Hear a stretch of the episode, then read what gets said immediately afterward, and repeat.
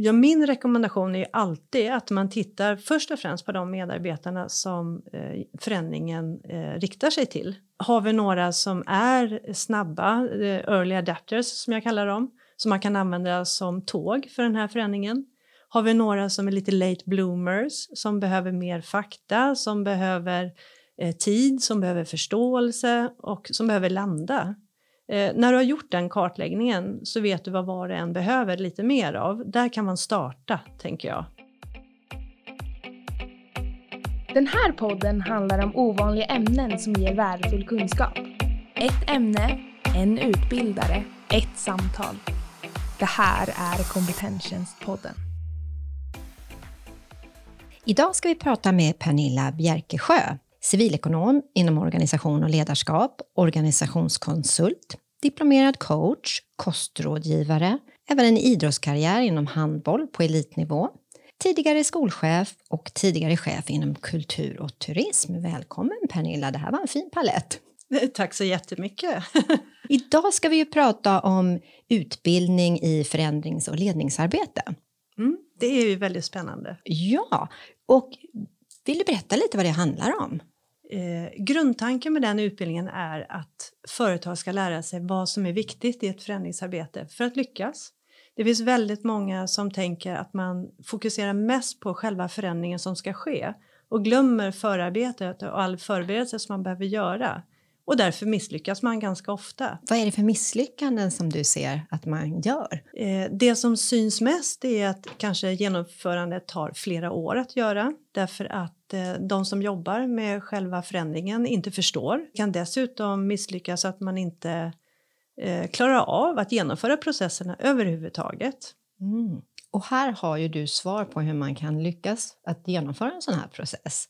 Jag har ett svar i alla fall. Ja. Vad härligt, för jag vet att du har några punkter som ja. du brukar förhålla dig till. Vill du berätta om dem? Först så tänker jag att man måste fundera över vilka är det som ska ingå i processen? Eh, vilka är det som ska genomföra det här förändringsarbetet när det väl är dags? Och det är ju oftast många medarbetare som man har i organisationen. Så att skapa någon form av förståelse för själva förändringen är den första grundbulten. Som en slags kartläggning då? Ja, precis. Mm. Och då behöver man ju börja med en ledningsgrupp, självklart, om man har en ledningsgrupp, om det är en sån stor organisation. Eh, annars så måste man kartlägga hur ser medarbetarna ut? Hur tänker de kring förändringsarbete? Vilka är snabba på att uppfatta? Vilka behöver mer tid?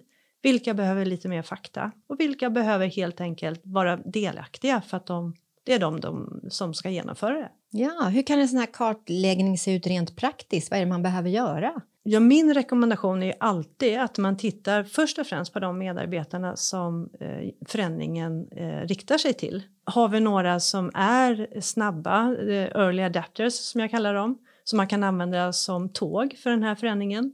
Har vi några som är lite late bloomers, som behöver mer fakta, som behöver eh, tid, som behöver förståelse och som behöver landa?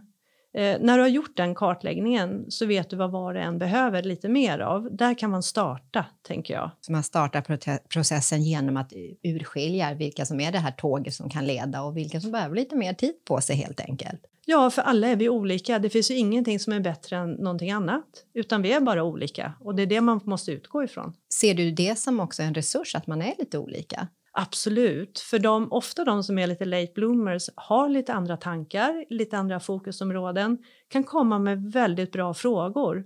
Ofta så kommer man på saker som man faktiskt själv inte har tänkt på.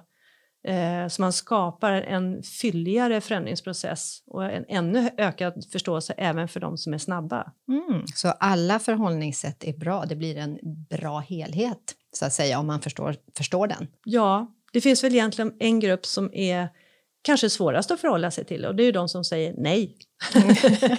ja, hur gör man med dem då? Jag brukar rekommendera att man lämnar dem lite grann. Man ser till att de har all fakta och all delaktighet som behövs, men man får lämna dem lite grann så att de måste få mogna själva. Så länge de inte är nyckelpersoner, då kan man inte säga nej. Säger man fortfarande nej, då, då får man faktiskt jobba med någonting annat. Ja, Okej, okay, så då får man helt enkelt avvakta eller är det som att man... Antingen avvaktar man eller så byter man avdelning eller så byter man jobb överhuvudtaget. Mm. Klara besked. Ja, när det gäller nej så måste man ha klara besked. Ja, jag hör det. Vad fint. Nästa punkt då? Det är ju väldigt viktigt också att man har delaktighet i förändringen. Eh, för när man är med själv att jobba kring en förändring så får man både ökad förståelse men man får också en liten försmak på vad sitt kommande arbete kommer att innehålla. Och då blir man mer positivt inställd. Så hur ser en sån här delaktighetsprocess ut? Hur, hur skapar man den här delaktigheten? Ja, och det är ju lite olika beroende på hur stora eh, organisationerna är. Är det en väldigt stor organisation så kan ju inte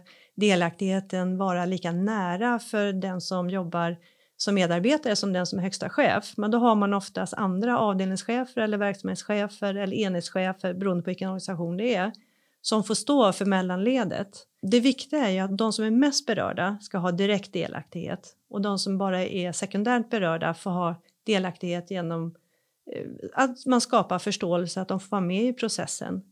Så är det som att de som är mest delaktiga är de som träffas i möten och de andra får information om vad som pågår? Så kan man, eh, så kan man säga. Ja. Eh, om man generaliserar ja. så kan man säga det så. Jag förstår ju att olika företag ser olika ut och ja, det är olika individer och beroende på vad det är för typ av företag tänker jag mig också. Absolut, och vilken process, förändringsprocess man ska genomföra.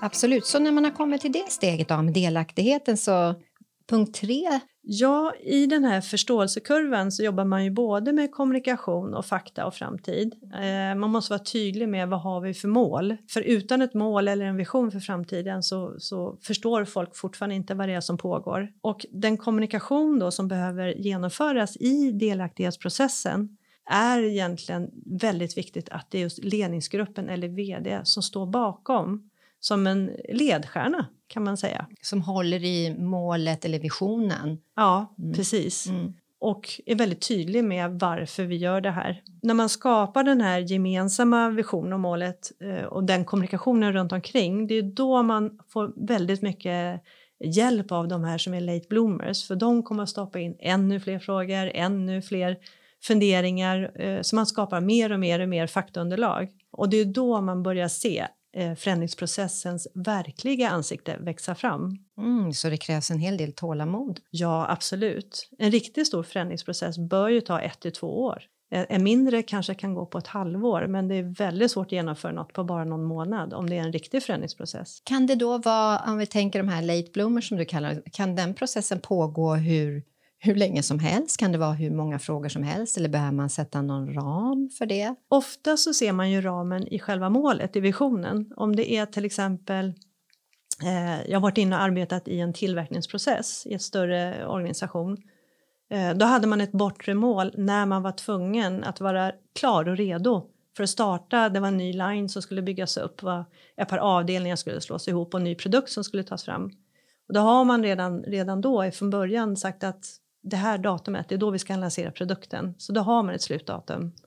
Men det är den man måste sätta lite längre fram så att alla hinner med. Mm, som en deadline då, så att alla också är medvetna om att då ska det här ja. vara klart. Ja, mm. och vill man då att folk ska kunna vara delaktiga i processen på riktigt så kan inte deadlinen vara om två månader.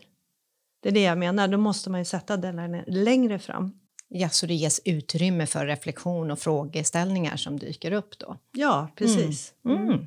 Och vad tänker du sen? Eller som du ser som nästa punkt? Jag tänker också när man, de här late bloomers, de har ofta väldigt tydliga behov som de kan eh, precisera i form av tid och resurser och kanske teknik och, och förståelse.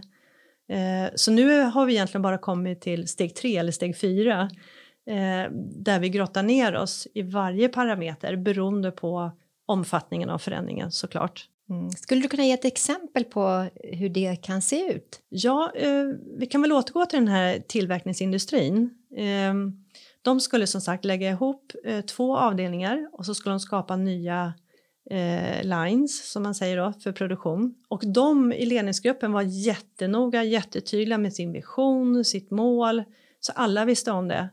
Men eh, när man väl skulle sätta igång med förändringen så kom ju de här late bloomers med ytterligare saker kring Ja, men vi jobbar på det här sättet. Har ni funderat över det? Och vad ska det här ta vägen någonstans? Man hade en, en egen utvecklad teknik på en tidigare line som man också ville ta med sig till den nya där ledningen har sagt nej från början. Men nu när man skulle då försöka bygga upp det nya så insåg man att nej, men den tekniken behövdes där också. Det är ju ytterligare ett exempel på hur de här late bloomers hela tiden för in ny fakta i förändringsprocessen. Mm. Så i annat fall om de inte hade lyssnat så hade det, då hade de fått börja om i den processen som ja. redan fanns. Om förstår jag dig ja, rätt? Då? Absolut. Ja, mm. Och det är det som ofta händer. Utan då genomför man den processen på det sättet man har tänkt sig och sen så får man börja om. Istället för att ta in alla åsikter och fakta och funderingar och frågor från början. Som att göra en grundlig inventering egentligen. Vad har vi för resurser och vad behöver förändras? Ja, precis. Mm. Mm. Så är det. Och, det. och då får man också eh, ett gäng medarbetare som blir väldigt positiva. För helt plötsligt så ser man att min kompetens tillvaratas. Jag räknas. Jag har jobbat i det här företaget kanske i 20 år som det var någon som uttryckte sig och äntligen så lyssnar de på mig. Man blir stolt. Man vill göra det allra bästa för företaget också då. Ja, och det är ju en väldigt viktig del att ha nöjda medarbetare som vill vara med i processen av att växa som företag. Ja, precis. Mm. Och då, då blir det oftast mycket bättre, mycket effektivare och, och bättre arbetsmiljö och det blir en större glädje. Mm. Så det är bara win-win egentligen? Absolut. Så det är värt att ta den där tiden låter det som? Definitivt värt. Men det är ju många som inte tänker att de har den tiden från början. Um, och, och, och, då är det ett vågspel. Det är som rysk roulette. Det kan gå, men ofta så går det inte. Nej. Och då tar egentligen processen längre tid, ja, kan man precis. föreställa sig. Mm. Absolut. Mm.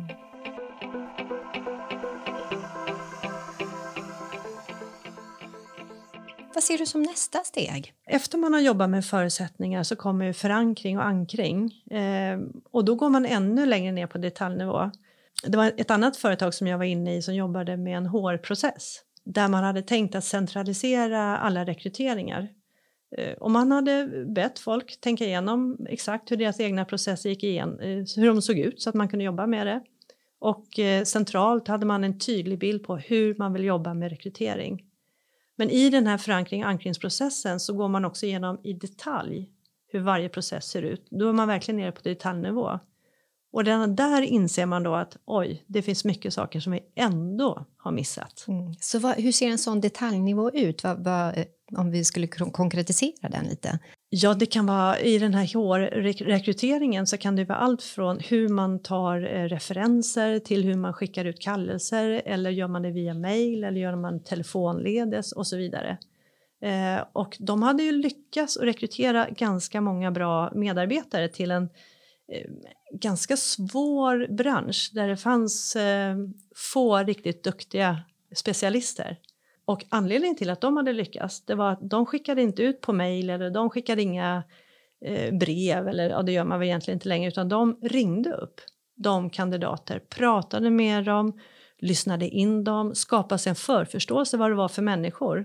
Så när de sen kom på rekryteringsprocessen då visste de som satt i rummet en hel del om dig som kom redan. Så det där personliga mötet, att göra en personlig kontakt, att gå ner på verkligen ja. person, personligt möte. Ja. Mm. Och det hade man missat för man hade bara sett att ja, sen så är det den eh, tjänsten som ringer upp eller, eller som eh, kallar personer och så vidare. Men, men att man ringer upp, det stod inte i någon rutin. Så det hade man ingen aning om. Men det insåg man sen när de själva då fick vara med och titta vad, hur, hur ser det ut, hur ser processen ut innan ni liksom sjösätter den. Då sa de det, men vet ni vad, att vi ringer faktiskt också och det är det som många säger. Man känner sig så välkomnad, man känner sig sedd och man, man, man vill börja jobba där. Så det personliga mötet och man ställer frågor, man, man får också en förintervju kan man väl säga genom den processen? Ja, men precis. Mm. Det var ju exakt vad de gjorde egentligen. Ja, ja. precis. Ja. Mm. Och det är ju rent eh, allmänmänskligt att vi vill bli sedda och hörda oavsett kompetens eh, så är ju det en mänsklig aspekt. Ja, absolut. Det, det, är väl den djupaste mänskliga aspekten som finns egentligen, att bli sedd och hörd ja. och få finnas. Mm. Så när man har kommit så långt, då är man ju en bra bit på vägen.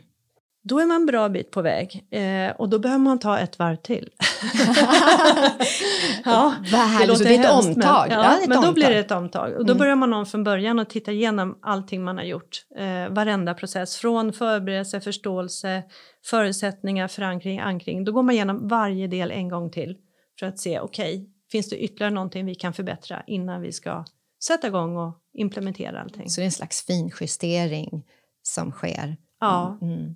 Ja Mm. precis. Vad är det du ser i de här processerna när, när ledningsgrupper gör den, startar en sån här process och när man involverar alla i processen? Ja, om vi börjar med det man inte gör så är det ju det vanligaste att eh, medarbetarna säger att jaha, nu har de bestämt någonting där uppe igen. Det är väl bara att göra det. Ganska oengagerade, ibland irriterade eller som det var på en, i en annan tillverkningsprocess, väldigt arga. Det var, eh, de kände sig ja, men osedda. Så det är ett glapp mellan medarbetare och ledningen. Ja, mer hierarkisk struktur. extremt tydlig hierarkisk struktur. Eh, och där ledningsgruppen egentligen också tycker att det ska vara så. Därför att det är vi som sitter och bestämmer och ni utför. Vi har betalt för det här, ni har betalt för det. Men i andra förändringsprocesser där jag ser hur man lyckas på ett annat sätt. Där har man ju en gemensam förståelse. Där går dialo- dialogen fram och tillbaka hela tiden.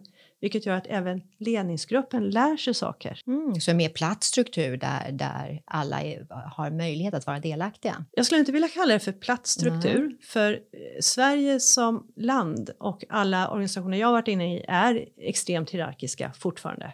Oavsett vad man tycker och tänker och säger. Eh, men däremot så vill man, man tar delaktigheten och andra eh, medarbetares kunskaper på allvar.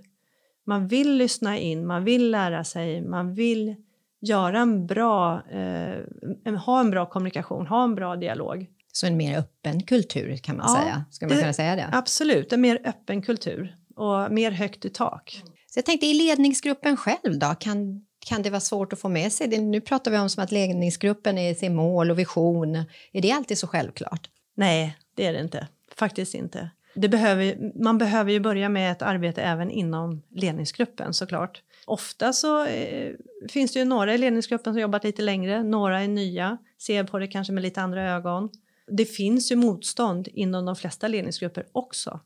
Och det ska man ju inte negligera, för bara för att man anställs som chef och ska göra det man blir tillsagd från den högsta chefen så är det inte säkert att man gör det ändå. Det kan finnas någon som säger nej sådär tydligt där Även också. där, ja. Även där, Ja. ja. Eh, och även där så säger jag att antingen så får man vara med på tåget eller så hoppar man av. Därför man kan, inte, man kan, inte, man kan säga nej tills man har fått alla svar. Då kan man inte säga nej längre, då måste man kliva på tåget. För då är processen igång, då har loket börjat rulla så att säga. Ja, precis. Så när det här har gått ett omtag till, är det bara ett eller kan det gå flera omtag? Det beror på hur mycket som kommer fram på omtaget. Tycker man att det inte kommer fram så jättemycket, då kanske man har gjort en sån tydlig process redan från början. Men kommer det fram ganska mycket så behöver man göra ytterligare ett omtag. Ända tills man känner att nej men nu, nu är det ingen idé att göra det fler gånger för nu har vi fått fram allting vi behöver.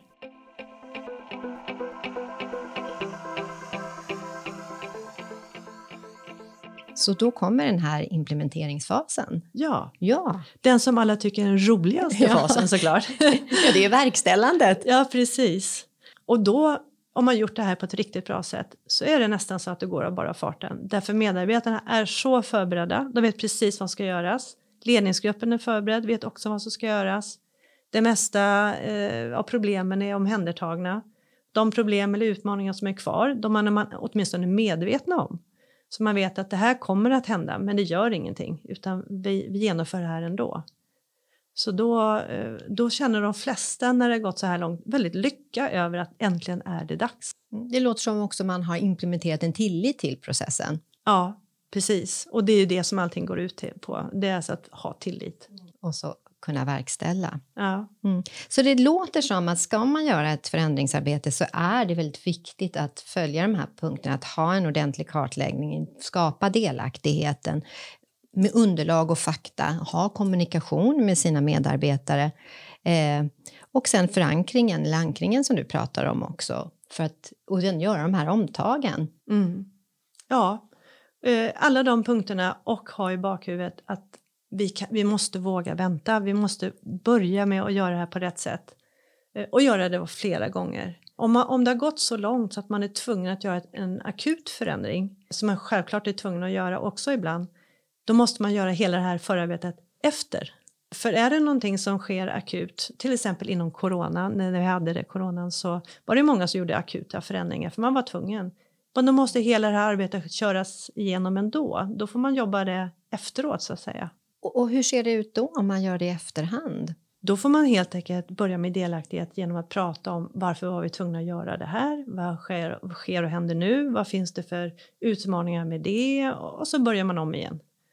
Och då börjar man också kartlägga medarbetare och ledningsgruppen. Vilka är det som eh, fortfarande är våra tåg och vilka är våra late bloomers? Så att vi måste förse dem med ännu mer fakta och ännu mer förståelse. Mm. Och lyssna på dem framför allt. Så väldigt viktiga punkter oavsett om man har tid eller skapar tid eller om det blir som vid corona när man inte har tiden men kan göra det i efterhand istället. Ja. För att skapa medvetenhet och förståelse och kunna göra ett förändringsarbete. Ja, absolut.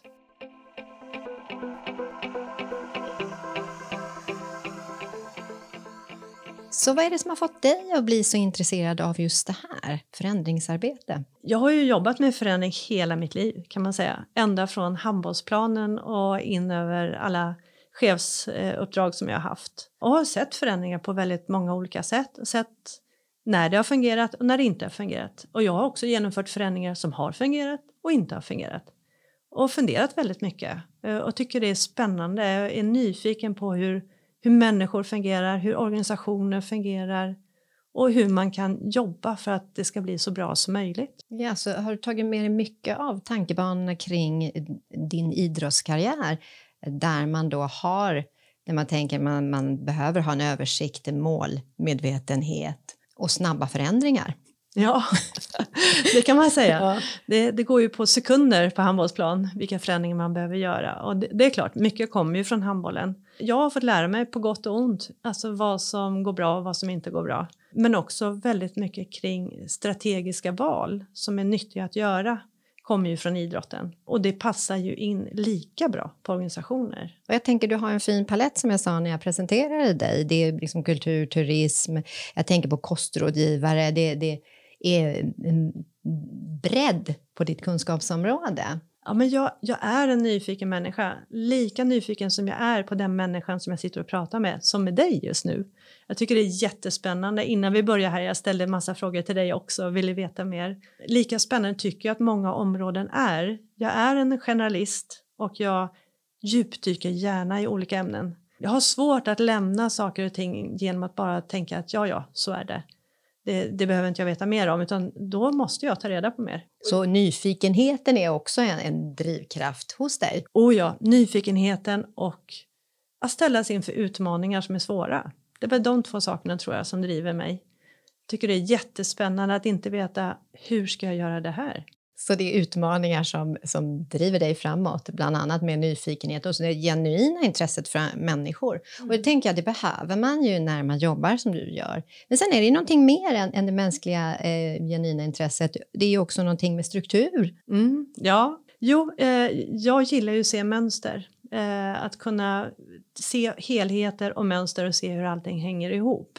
Och den strukturintresset kan man väl säga har ju också skapats av det livet som jag har levt. Man kan inte till exempel spela handboll på elitnivå i, i Sverige eh, utan att skapa en väldigt bra struktur både på plan och utanför plan och se till att allting hänger ihop. Och det är väl det också som är väldigt intressant i organisationer, att se hur, all, hur allting hänger ihop och vad man behöver vrida någonstans för att det ska bli ännu bättre. Vad ser du som det, tre faktorer som är viktiga just i i ledningsarbete eller förändringsarbete som du ser av största vikt? Nu har du nämnt sex stycken som jag förstår är väldigt ja. viktiga ha. De tre allra viktigaste, både ledningsarbete och förändringsarbete, ja.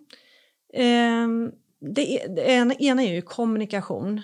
Eh, kommunikation och dialog. Och det gäller ju allt ledningsarbete man gör. Det är inte bara förändringsarbete, det är ju allt du gör. Förutom att, att kunna kommunicera med både eh, de som är kollegor till dig eller de som jobbar längre ut i organisationen är ju av jättestor vikt. Utan kommunikation så har du dels ingen förståelse för vad som händer där ute och du kan inte heller förmedla vart vi ska någonstans. Så kommunikation är jätteviktigt i ett ledningsarbete.